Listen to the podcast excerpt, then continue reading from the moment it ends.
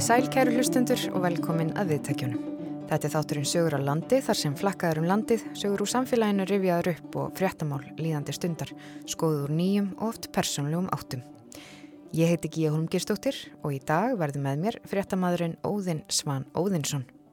Og það er einmitt Óðinn sem að byrjar þáttinn en hann fór í vikunni í heimsókn í Þorpið á Akureyri til mann sem er þórsari í húð og hár.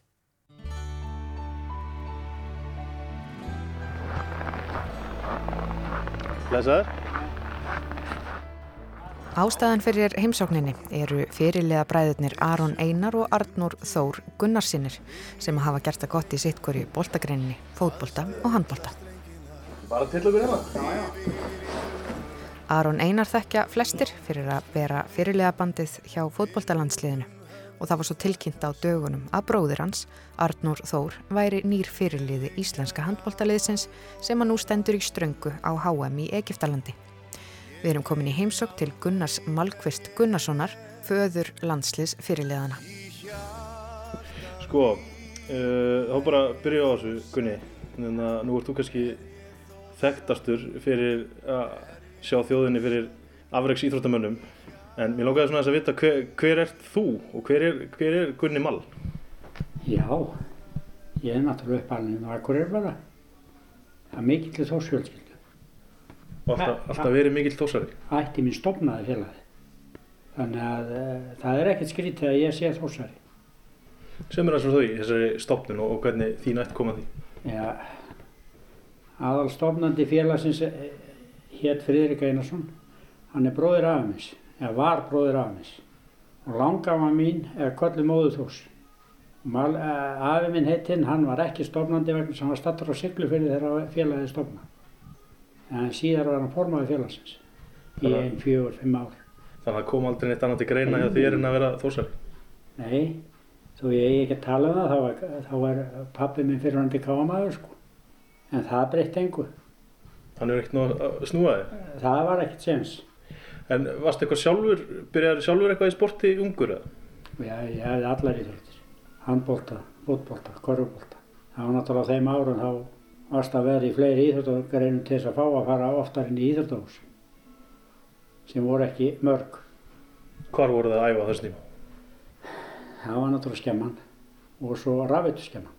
Við byrjuðum það, ef maður byrjaði þar, það var leiðindarhús það má ekki segja frá því en það byrjaði að reykja. En hætti svo fljóðlega Akkur byrjaði að reykja þar? Það var bara, menn voru bara að fyrta Í tengslu við íþróttirnar? Nei, kannski ekki í tengslu við íþróttirnar. Það kom alls konar strákar inn og þá náttúrulega leitti eitt og öðru, þá var ekkert orðin þessi rosalega umræðum að hvað þetta verið aðalega skadsamlegt Þetta bara þótti nú nánast holdt á sín tíma þegar? Það segi ég nú ekki. En þú látið af þeim ósið, þú svo fóst, þú keftir, er það ekki undir merkjum þú spæði í handbólta og eitthvað í fótbóltaði? Ég var eitt leik með mestarflokk í fótbólta, svo sagði ég hinga ekki lengra.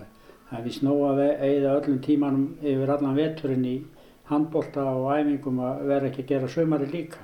Þannig að þú valdir handbóltan? Já, ég valdi handbóltan. Og þetta val hán eftir að koma við sögu í þinni fjölskyldu Já, svo setna, en, en, en þetta var mikið þannig hér áður fyrr að fólk var í fókbólta á sömurinn og svo handbólta og skýðum á vetunar. Það, eh, það voru margir eh, að þeir sem voru að spila með mér á fyrst þarna í mestarloknum að þeir voru bæði handbólta og fókbólta og það var, við sögðum alltaf að það einu bara því að þeir ment ekki að taka undirbúinstímabilin þeir slupp alltaf við þau. Já, útilaupp og, og svoleiðis. Já. Varst þú einn af þeim sem var svona klókur? Nei, ég var ekki svona klókur. En þú, þú spilaði lengi vel eh, fyrir Þóri í handbóltan? Já, allir ég ekki, ég er rúmlega 500 leiki með Þór. Og varstu lungin? Ég, maður var ekki lungin, maður fór út á hörkunni og fór skapinu. Og varstu einhver svona tutti eða? Nei, haldi ég ekki. Ég hef oft fengið orðað að ég hef verið grófur en það er nú. En svona lítill stupur eins og ég er til þess að gera sko, með að við þessar lurka þá þá var maður að vera nokkuð fastu fyrir. Það er eins og eitt góður handbóltamæður sagði mig, þú helvítið þú fer alltaf í andlit á mér. Hvað ég gerir, næ, ekki herra, sagði ég við hann. Þetta var Alfred Gíslason. að þú þurft að láta finna þess fyrir þér Já, ég barða hann aldrei. Ég fór með lóan. og kla klappa árunum hans. En hann var nú í hinuleginu hérna á Akureyri. já, já. Og hvernig voru þessar rimmur í gamla daga millið Þórs og Káa? Það eru alltaf skröldlegar. En þetta er margir góði strákar í þessu. Þó að maður hafi ekki þólað að þeir eru konin á vellin. Það er bara eðlilegt. En svona, svo ferðu sjálfur út í þjálfun, er það ekki, þegar, þegar þú hættir í, í boltan? Jó, ég var að byrja að þjálfa þó að ég væri að spila líka, sko. En ég þjálfaði þetta alltaf mörg ár og marga stráka. Og þar á með þess að tvo þannig sem að umræðan snýst aðeins um. Já, þú fórst... á Og með þess að þjálfaði þig. Já, þú gerðið svo, svo fræð, þú tókst nú ekki að gera mig að atvinnumanni eins og, og suma, þú það er reynd, ég veit ekki hvort að það liggi á mér eða þér, en uh, þú átt nú slatta af börnum, Já, já. hvað eru þau orðið mörg? já við, við erum sex börn. Og er þetta allt íþróttafólk og, og íþróttir alltaf verið svona sam, já, bara svona Íþrótta- stór hluti af Já, fjölskyldinu? já, íþróttir hefur verið stór hluti af fjölskyldinu vegna þess að ég fór í ferðir með flokka og alltaf var eitthvað eitthva barn með mér. Að mínum börnum. Það, og þær voru stelpunar voru oft búin að fara með mér í ferðir og, og, og, og einu sinni fórum við að keppa á skaganum og þá var ég man nú ekki hvaða barn það var sem var bara í burðarúmi og Jóna var með. Já, Jóna Arnórsdóttir, konaðinn. Hún hefur uh, tekið þátt í þessu ævintýra, hérna, þessu íþróttabröldi alla tíð. já, já, En það lítur að hafa verið sex börn, það lítur að hafa verið líf á, líf á heimilinu. það var stundum dálítið fjör Og allir, allir freka virkir í, í sporti. Já, já, það að við svo voru þeir nú eiginlega virkastir, náttúrulega, gegnum árin. Þeir voru, það var búið að brjóta hitt og þetta á gungunum þegar maður, þegar maður leiði þeim að leika sér. Og svo var það allt vittlust þegar elsti bróðurinn kom í heimsókn og- sem var nú fluttur á heima þegar við áttum heima frá Hrafnagili að þá gerði hann í því að æsa þá og það er bara orðið áltið reyðirornir. Það lítur að hafa haft sitt að segja því að eins og hefur komið inn og þá eru þeir báðir eh, að leiða íslenska landsliðið núna í sikkur í íþróttinni. Hvenar, hvenar fer þetta að verða svona alvarlegra hjá þeim, þeim bræðrum og, og svona sjá fyrir að þetta yrði jafnvel þeirra atvinni? Já, það var nú, ég held að Aron hann stemt það þessu alltaf sko, að vera atvinnumæður en Addi gerði það nú að vísu líka en þeir voru náttúrulega, þeir eru svolítið ólíkir að sumuleiti en, en hérna svo bara hafa þeir hérna skóliðist þeir upp í þessu, voru alltaf á æfingum, voru alltaf að spila og Aron spilaði til þess upp fyrir sig alltaf, var bæði handbólta og fótbólta og Addi gerði það líka en hann, nú, hann var nú markmaður, hann var nú full lítið til þess að vera í marki. Þannig að hann lagði hanskan á hillun og fór bara alfari í handbóltan. Hann hefur valið rétt. Já, já, hann, hann valdi rétt að mínu áliti hann. Ég vildi náttúrulega að Aron er í handbóltamæður en, en ég var ekkert að skipta mér að því, hann er ég því. Þi, þið voru mjög ábyrrandi bæðið þú og Jóna í öllu svona félagstarfi í sambandi við sportið hjá öllum börnunum. Þetta var alltaf bara það sem lífið snýrast um. Já, já, við fylgdum um, fylgdum um all land, meðsja fótbolta og handbolta. Það var náttúrulega auðvitað í handboltanum ef ég var þjálfari þá fylgdi ég þeim náttúrulega en, en við fylgdum á landslýs, eins og Aron fylgdi hún á landslýsæfingu og lögáttn einhvern tíðan og það var, það var, þetta er búið að vera mjög gaman. Heldur það skipti ekki máli mitt að familjan sé og sérstaklega fóreldrar séu svona þáttakandur í þessu? Það skiptir öllum máli. Þú verður að vita hvað börnin er að gera líka sko en, og, og ef þú getur hjálpað með að vera til staðar þá var það bara henni góða sem það gerði öruglega með þá. Heldur það aldrei fundist óþægild að hafa gamla með í öllum ferðin?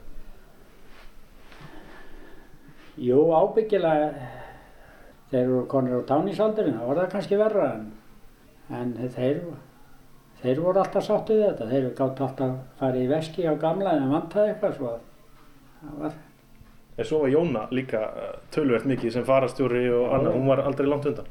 Nei, nei. Hún fór sem farastjórinn til til Svíðjóða með fótboltan. Þá fór ég nú ekki. En nú þekkja fóreldrar það einmitt að elda börnin sinna á þessi fótboltamót og handboltamót og lífið snýst hjá fólki sem á mikið af börnum svolítið um þetta en þeir eru enn í þessu að elda strákana og nú er það bara heimsmeistar á Evrópum Já, já, já, já. Við erum búin að fara á handbóltamót þrísvar og, og svo fórum við til Fraklands og, og Rúslands. Þetta er, þetta er svakalega upplifun að gera þetta. hvernig er tilfinningin að vera foreldri og, og sjá stráki sem leiða lið inn á svona eins og bara á heimsmeistaramót og, og Evrópumeistaramót þetta er engin smá, smá svið sem að strákanir eru að stíðin Það er svolítið nútur í maganum alltaf þegar að maður hefur alltaf eiginlega áhyggjur bara að þeir standi sér ekki nógu vel. að Ég hef ekkert áhyggjur á liðum. Að þeir séu að gera einhverja bombertur eða eitthvað, það er, að ég hef meiri áhyggjur af því heldur liðinu. þeir eru nú ekkert vanið því Nei, nei. Þeir eru að staða þessi gífulega vel báðið tveir. þeir, þeir völdu sikkura greinina hvað hva heldur að valdi því? Ég held að aðal ástæðan fyrir því að Aron velur ekki handbóltan sé að hann var alltaf tekinn úr umferð. Hann var leiður á því. Það var alltaf tekinn úr umferð í fjörðarflokk í handbólta og hann var tekinn úr umferð. Ég á með sér einhverja leikskíslu sem að þá held ég að Aron hefði verið að spila upp fyrir sig og þá gerði hann átjámörki leik upp í síðurskóla og addi 11. Nei, 17, 18, 17 11. Þeir gerði 28 mörka af 32 mörk. Þeir bræður Já, þeir bræður. Þeir voru nefnilega svakalegir, þekktu náttúrulega hvern annan vel. Þannig að þeir vissu eða nánast hvað hinn var að fara að gera, sko. og horfður þú alltaf á þetta eins og, og þeir myndu enda báður í handbóltan þeir Aron og, og Arnór Nei, kannski ekki. Ég var náttúrulega alltaf viss með að því Addi var í marki, en því hann var nú ekki, hann var ekki hár í loftinu, þannig að það er ekki gott að vera mjög lítill í fótbollamarki, en, en ég hafði meira, meiri trú á því að Aron færi fótboltan, það, hann fekk alltaf góða skólun í fótboltan hjá Palla Gíslas og það er, Já, eins og segir, hann var mjög öflugur í handbólta en hann var ekki, ekki síður Nei, eins og nei. bara sagan svo sýnir og hann svona eftir á higgja líklega valda nú rétt eða ekki já, já, já, ég hef ekkert á, ég get ekkert verið annað verið sáttu við hvað ég völdu, það er bara svo leiðis. En hann náttúrulega, mismunum á millið er að á yngri árum að það heyrðist alltaf svo mikið í Aroni. Hann let alltaf heyri í sér og var alltaf að hjálpa öðrum og á sjálfum sér líka með því að öskra svona.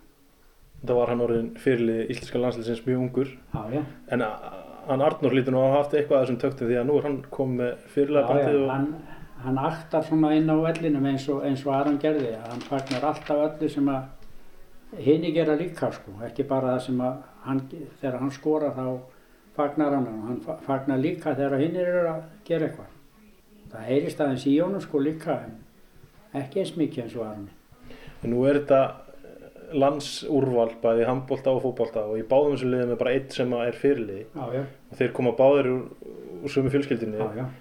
er þetta genin eða er þetta eh, eitthvað í sambandi við uppeldið varstu eh, hva, hvað heldur við það?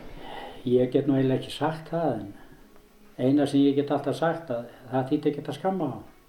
Ég varð að skamma á báði einu og þá voru þeir fljóttir að snúa, mér, snúa því þannig að ég gati ekkert skamma á. Þannig að hvort að skamma mig sögðu þeir, það var hann og svo öfugt og þannig að þeir voru alltaf að verja hvort hann. Það þeir hafa verið góði liðsmenn bara frá, frá degi Já, og mjög góði félagar. Heldur þetta sé einhver svona karakteringin sem að skilja sér inn í íþróttinnar að standa með, standa með sínu manni Já, já, það er, er enginn að hafa því. Varstu ekkert síðan eh, harður við að, hérna, láta á æfa eða eitthvað svoleiðis eða var þetta bara eitthvað sem kom svona Ég- náttúrulega fyrir þá? Ég þurfti ekkert, ég þurfti ekkert að íta þeim á æfingar. Þeir sáu alveg um það sjálfur. Og þeir, maður, maður fór oft hérna, þegar maður, maður var fluttur hérna í skalsliðina, þá fór maður oft, já, klukka var nýju, hálf tíu, það er best að fara í gler og skóla ná í þá. Þá voru þeir þar að djöflast. Maður þurfti ekkert að, þeir voru, sáu bara um þetta sjálfur alveg, en stunduðu allar æfingar sem þeir gáttu. Og svo eru þeir eitthvað að vinna eða ekki, þetta var ekki bara æfingar. Jú, jú. Þeir voru að vinna. Hún ber, út blöð þess að hafa upp í allar kostnaðinu við ferðir. Þetta, þetta, þetta, þetta er bæði þá og í dag, þetta er dýrt að vera með börn í öllum þessum íþróttum. Þannig að þeir hafa þurft að hafa svolítið fyrir því sjálfur. Já, þeir hjálpuðust við það. Aron vann í bónus til dæmis. Dáltinn tíma. Já, í, í kerrun. Já, kærrum og, já, já, einu og þessu þarna. Er það ekki rétt á hann hann fer svo út og Jú. verður atvinnum maður? Jú, jú, það er rétt áður.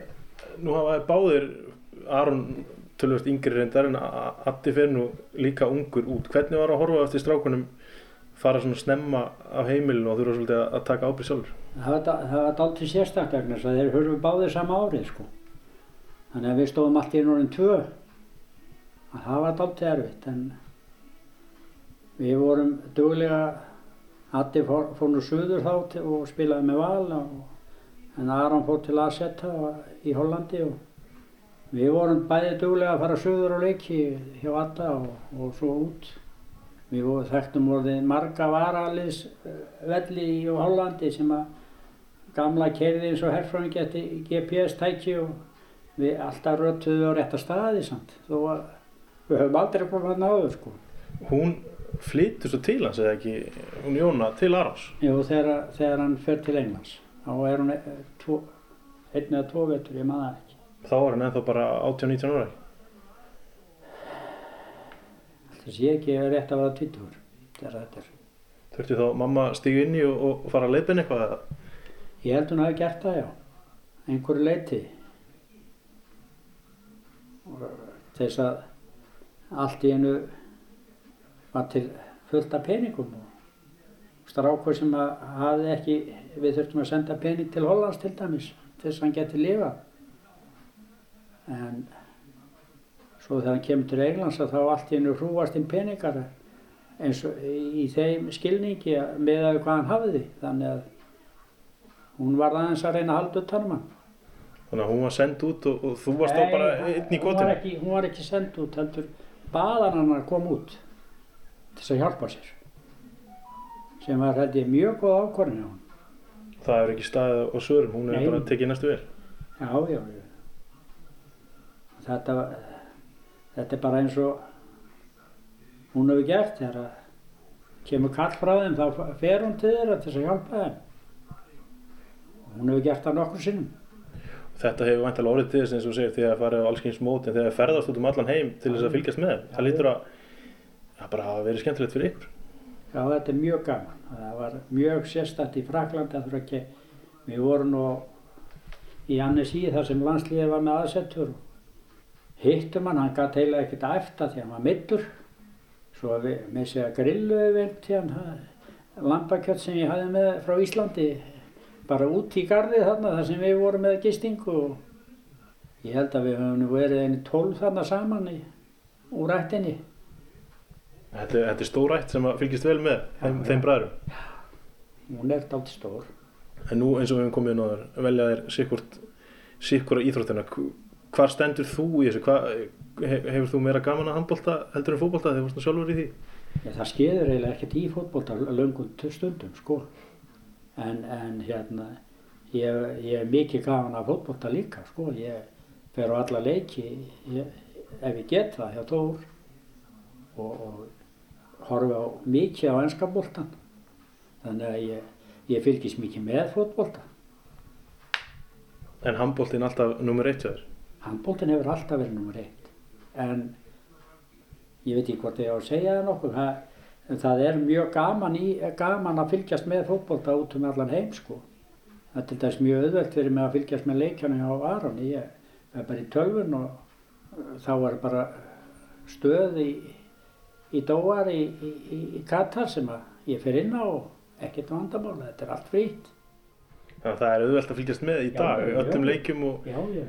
En hefur nú býr Aron eins og þú segir, í Doha í Katar, hefur þú kíkt á hann? Já, já, ég skrapp þangað í, í mars á síðast ári og kom deginum áður en að maður átti að allir að fara í sótkvíjan. Og þeir voru að vísu búin að loka þátti mikið þar svo að það var ekkert, maður var eiginlega í sótkví þarna með hjá honum í, í 14 daga. Þannig að þú komið hann rétt, eða svona rétt þegar þetta COVID ástandið er að byrja.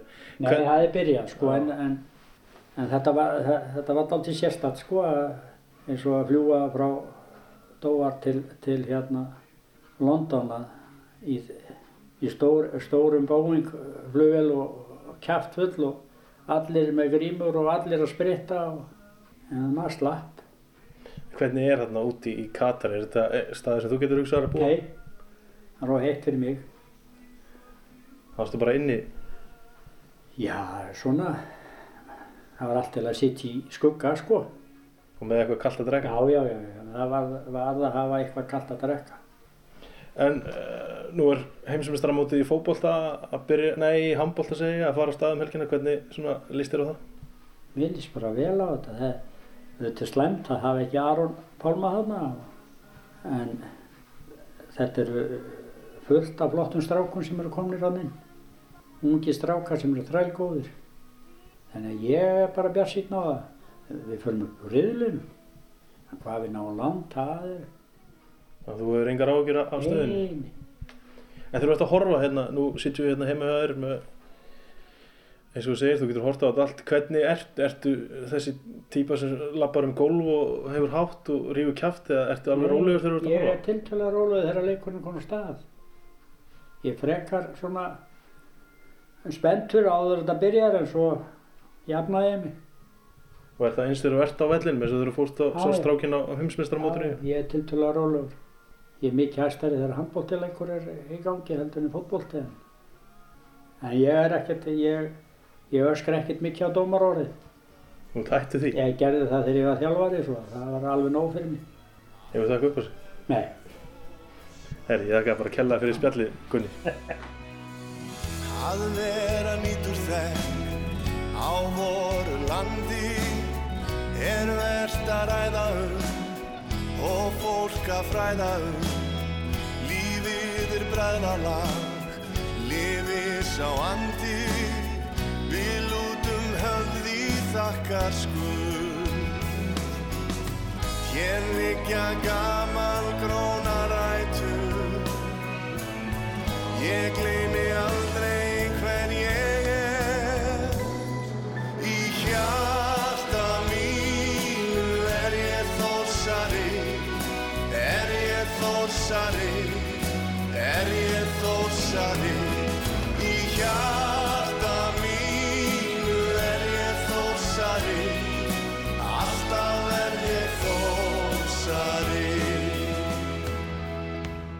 Alltaf verð ég þórsari Óðinsvann Óðinsson rætti við Gunnar Malkvist Gunnarsson. Undir hljómaði lagið Ég er Þórsari í flutningi Páls Rósenkrans, tekstan samti Bjarni Hafþór Helgason, en næst er ferðinni heitið annað.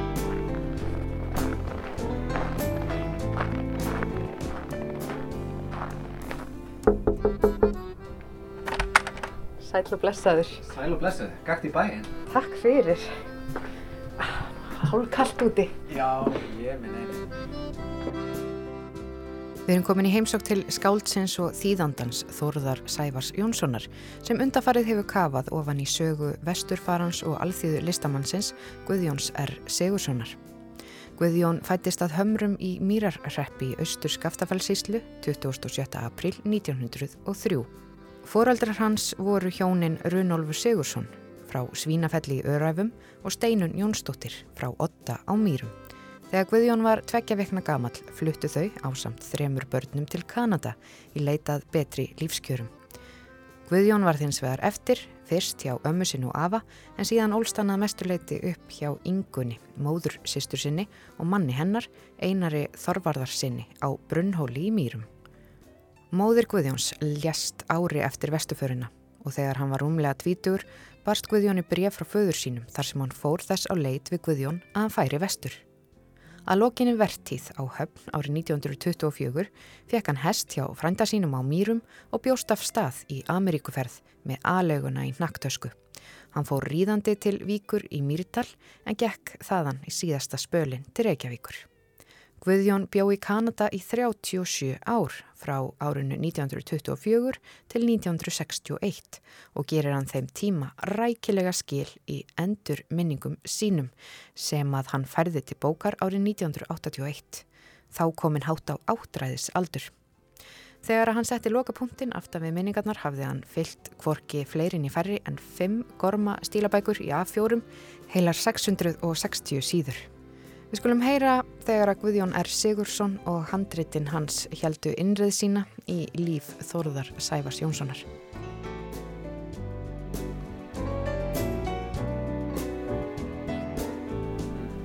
Sko, það er saga að segja frá því.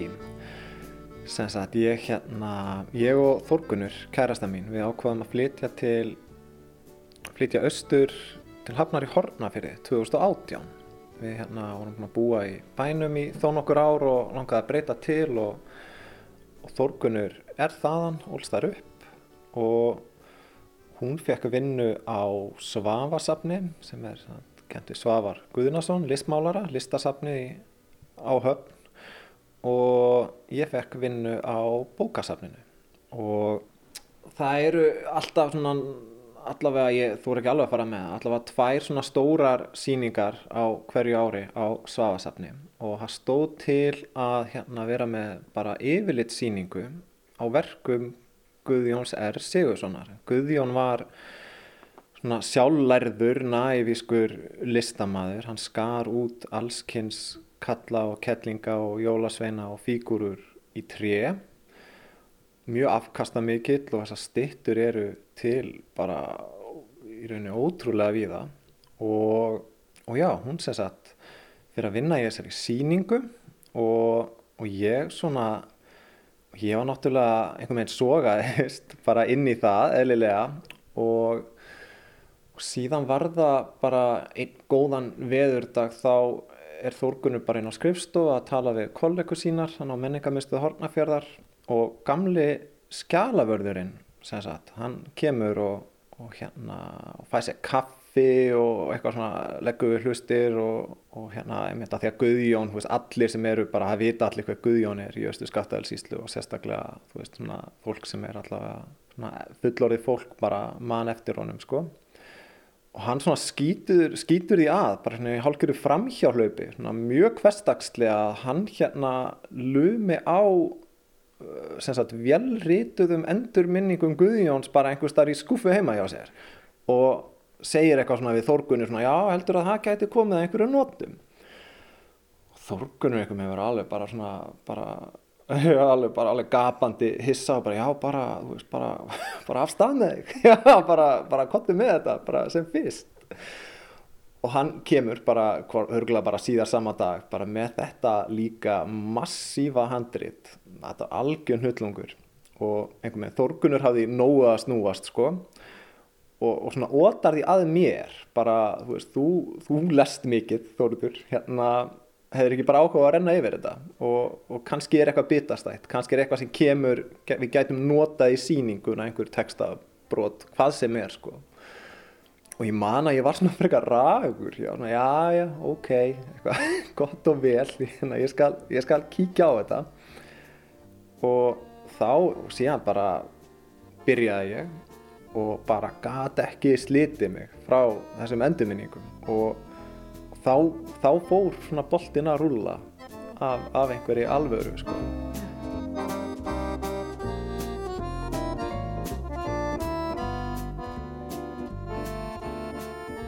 Þú sagðir að allir þarna í austur skaftaferð síslu þekkja, já svona, þeir sem kannski eldri eru og margir þekkja til hans Guðjóns. Þekktir þú, vissur þú eitthvað hver þetta væri?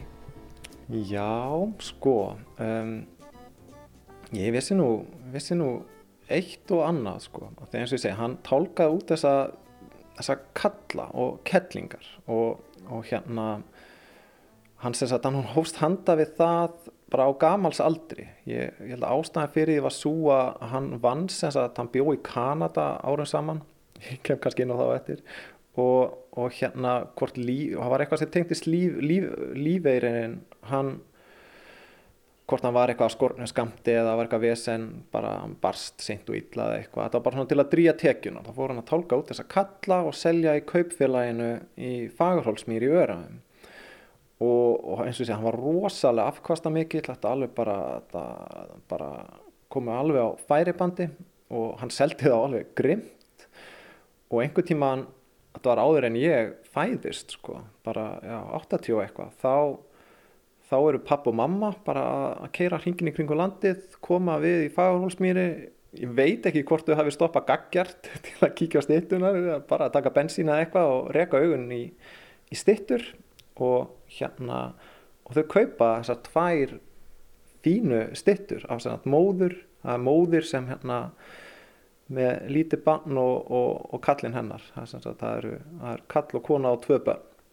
Og, og þessar styttur þær hérna þær hérna voru alltaf í öndvegi bara þegar ég var lítill þannig að ég ólst upp með þessar styttur fyrir augunum og síðan hef ég líka bara í raunin alltaf áhuga á eins og svona næviskri sjálfsbrottinni list þannig að jújú, jú, ég vissi alveg ég vissi alveg svona ég vissi hver hann var sko. Já.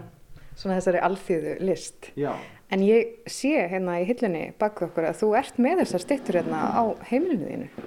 Getum við aðeins kíkt að þar? Já, endilega. endilega. Hérna er kjarnafjölskyldan. Hér er alveg vísitölu fjölskyldan, akkurat og hérna og hérna, hérna er heimilisfæðurinn hann er í einhvern grænum, grænum jakka og leiðir, leiðir svonsinn, hlutföllin eru svona skemmtileg, hendunar eru í, í stittri kantinum og, og hann laði mikið upp úr, það er allir mjög hárprúðir og, og með svona allir mjög hárprúðir hjá hann Guðjóni. Já. Sérstaklega eiginlega unga barni sem er með sko hári eiginlega nýra á svona þetta er eins og fermingabarn, hári nýra á ras. Já, hann, hann liggur við sko, hann liggur við og kallanir eru oftar en ekki með mjög svona ræktarlegt yfirvaraskegg og, og hérna, hann tálkaði út jólasveina sem voru margir hverju mjög skrautlegir og hann málaði sem sagt, hann málaði flestar styttuna sínar í svona, já, oftar en ekki svona björtum, fallegum litum. En svo er það mertar undir það ekki. Jú, þær eru, þær eru mertar nefnilega Guðjón R. Sigursson, Fagurhólsmýri, sími 9781647. Það passar og mamma, mamma líst þessu svo skemmtilega, einhver tíman ætlaði hann að kaupa fleiri styttur á honum og sló á þráðinn og hann hann eins og hirnastljóra, hún, ég held að þurft bara hálf, hálf öskraði í símtólið sko, en hérna, en já, eins og ég segja, hann var, hann var slingur sölumæður og náttúrulega auðvitað, þá er bara, þá er það hérna, þá er númerið hann á sínum Já. stað sko. En tókst hann henni mömmuðinni að verða sér út um fleiri styttur eða, eða náðust skilabóðin ekki gegnum símtólið? Nei, þetta, þetta er farið eitthvað, nei, það, þetta hefur ekki skilað sér held ég. Því þetta er, að- ég veit ekki betur en þetta séu einu styttuna sem pappa og mamma keftu. En síðan er svo gaman að, sagt, að þegar, þegar þessi, þegar þessi hjól fór að snúast, þessi Guðjón hjól og ég fór alveg að sökka mér í þessa endurminningar og, og, og, og þórkunir í sýninguna, þá þá held ég að þá ákvaðu þau skömmu síðar þá flytjum við til Akureyrar og þetta er innflutningsgjöfin okkar, gömlu stittunar frá sem, gömlu stittunar sem papp og mamma keftu af Guðjóni. Já. Eru þið bæði uh, skötu hjóin húgt sem sagt á Guðjóni? Já, við erum alveg ótrúlega upptekinn af Guðjóni og hann einhver megin Já, þetta er eiginlega svona dálítið fyrir og eftir Guðjón, sko. Hann er búinn að vera ótrúlega fyrirferða mikill á þessu heimili.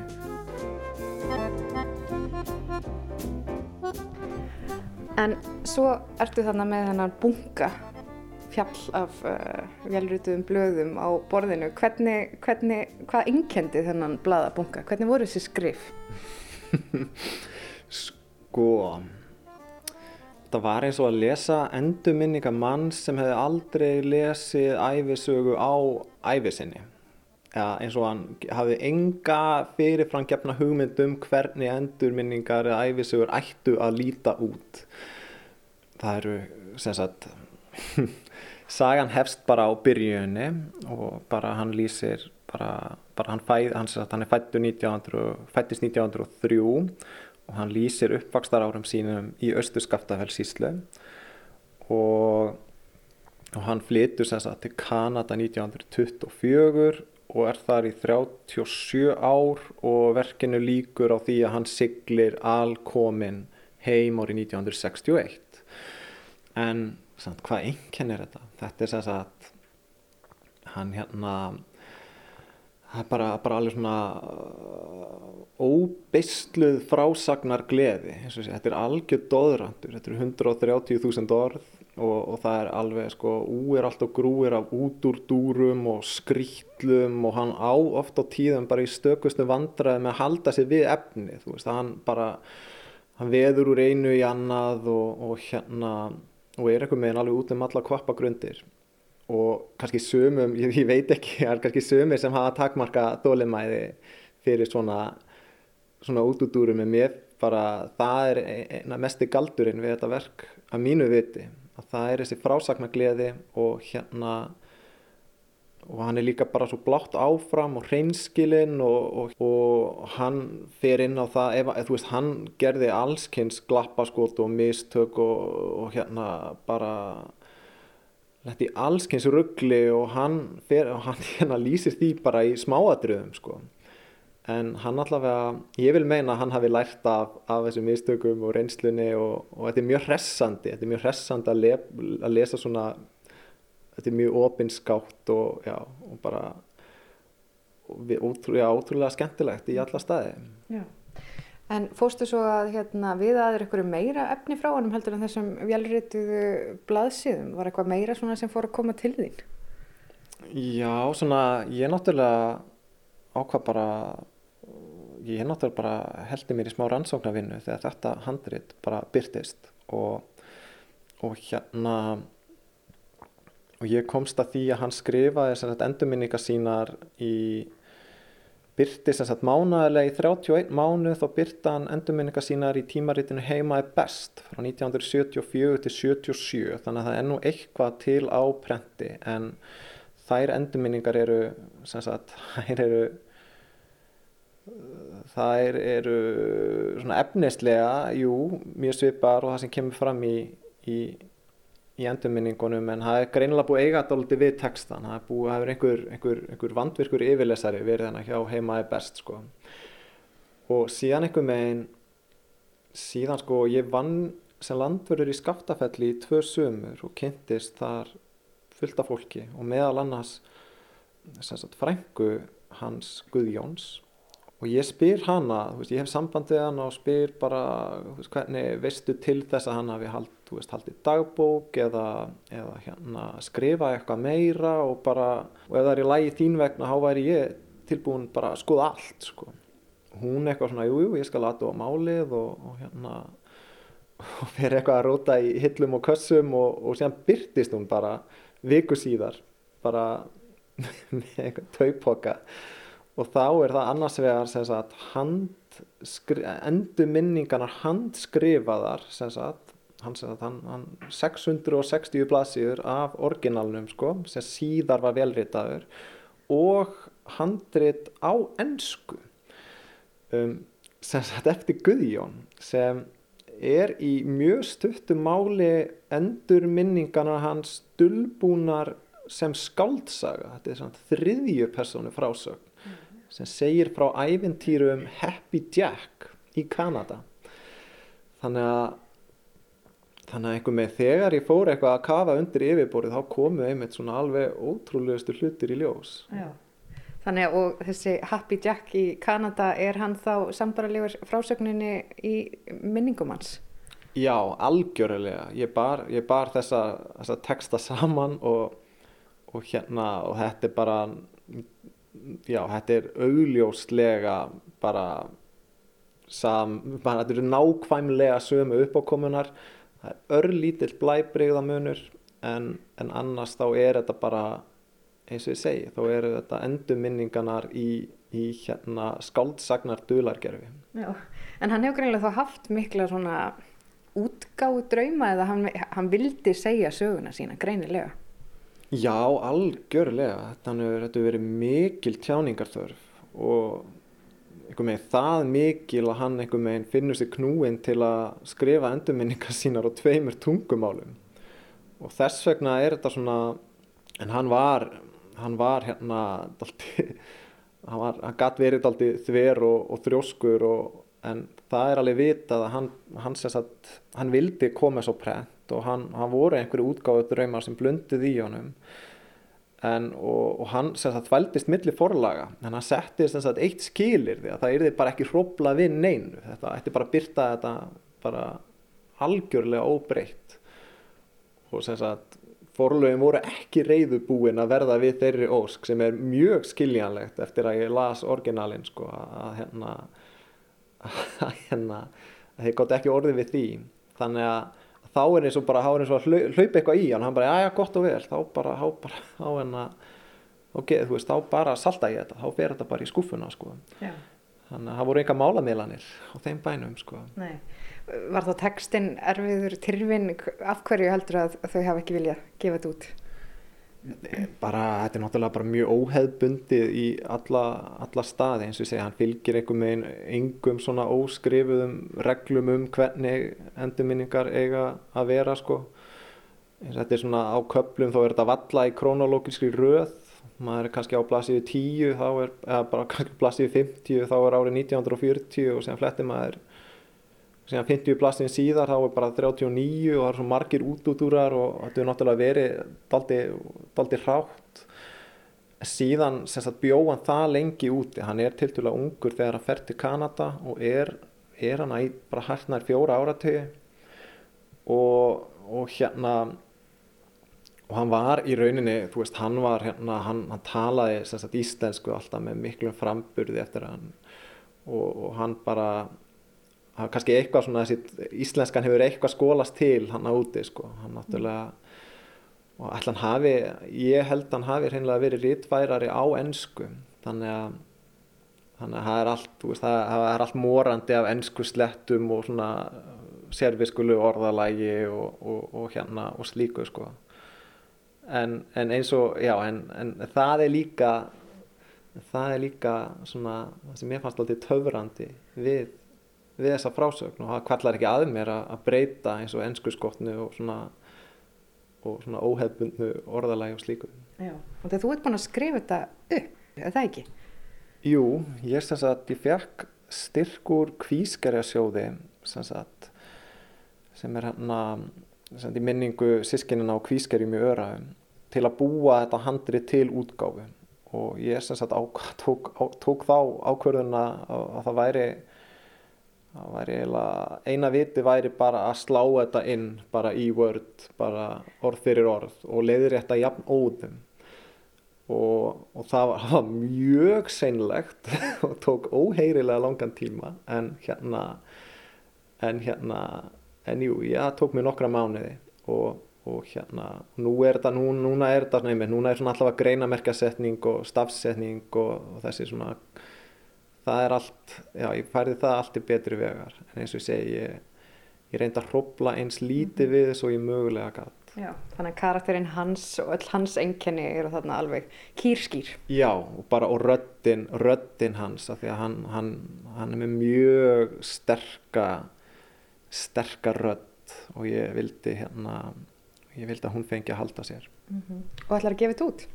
Það er planið, það er planið. Ég hérna, ég bara tildulega nýbyrjar í útgefandaleit og vonandi bara vonandi er eitthvað forlag bara til í þetta eins og ég bara þetta verður, þetta verður að koma út svo Já. mikið er vist Þannig að þú ert svona pínu eins og Guðjón eða lappanda millir forlaga með handritið undir hendinni Já, akkurat, einhverjum 40 árum eftir, eftir að 40 árum eftir Guðjóni sko, þá hérna tekið upp, teki upp þráðin sko. mm.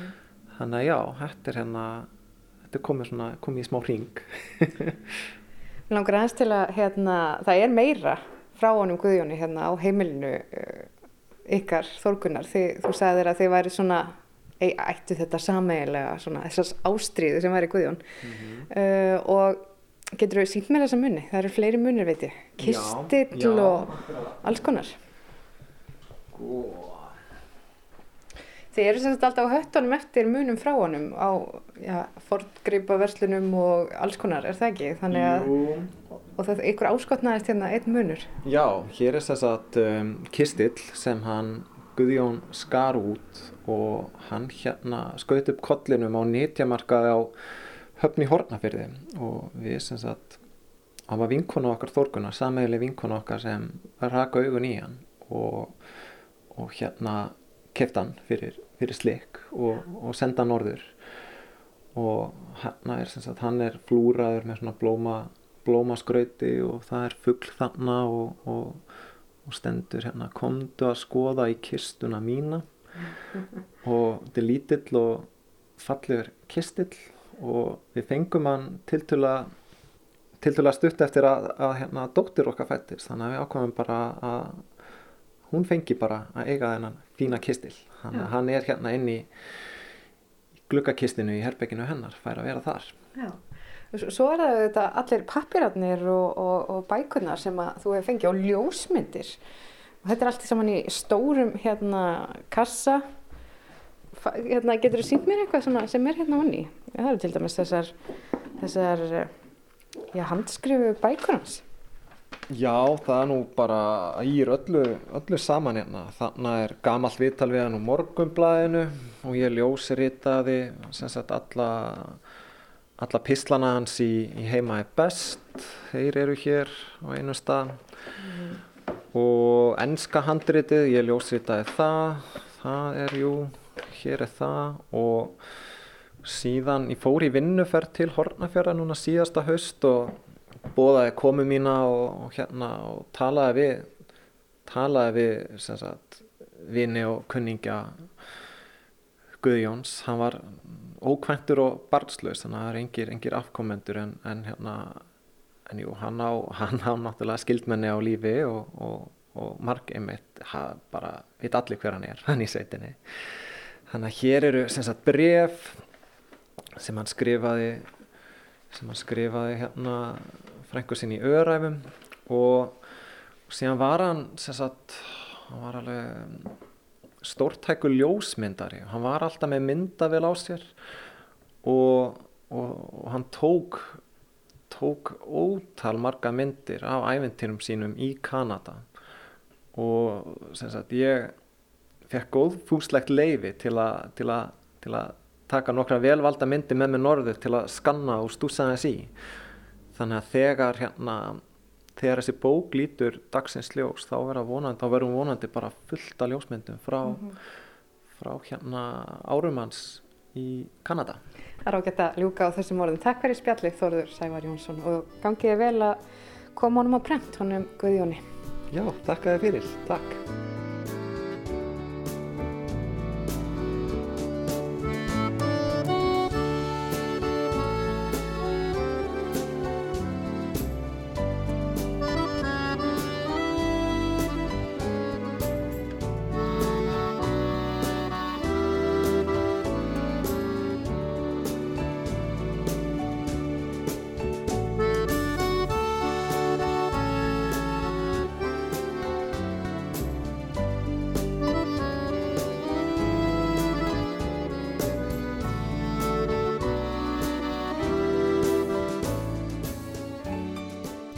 Þarna var rætt við Þór Sævar Jónsson, skáld og þýðanda, um vestufaran og alþýðu listamannin Guðjón R. Sigursson. Og þar með er komið að lokum í sögum á landi í dag. Tæknimaður í þessum þætti var Lítiða Gretastóttir.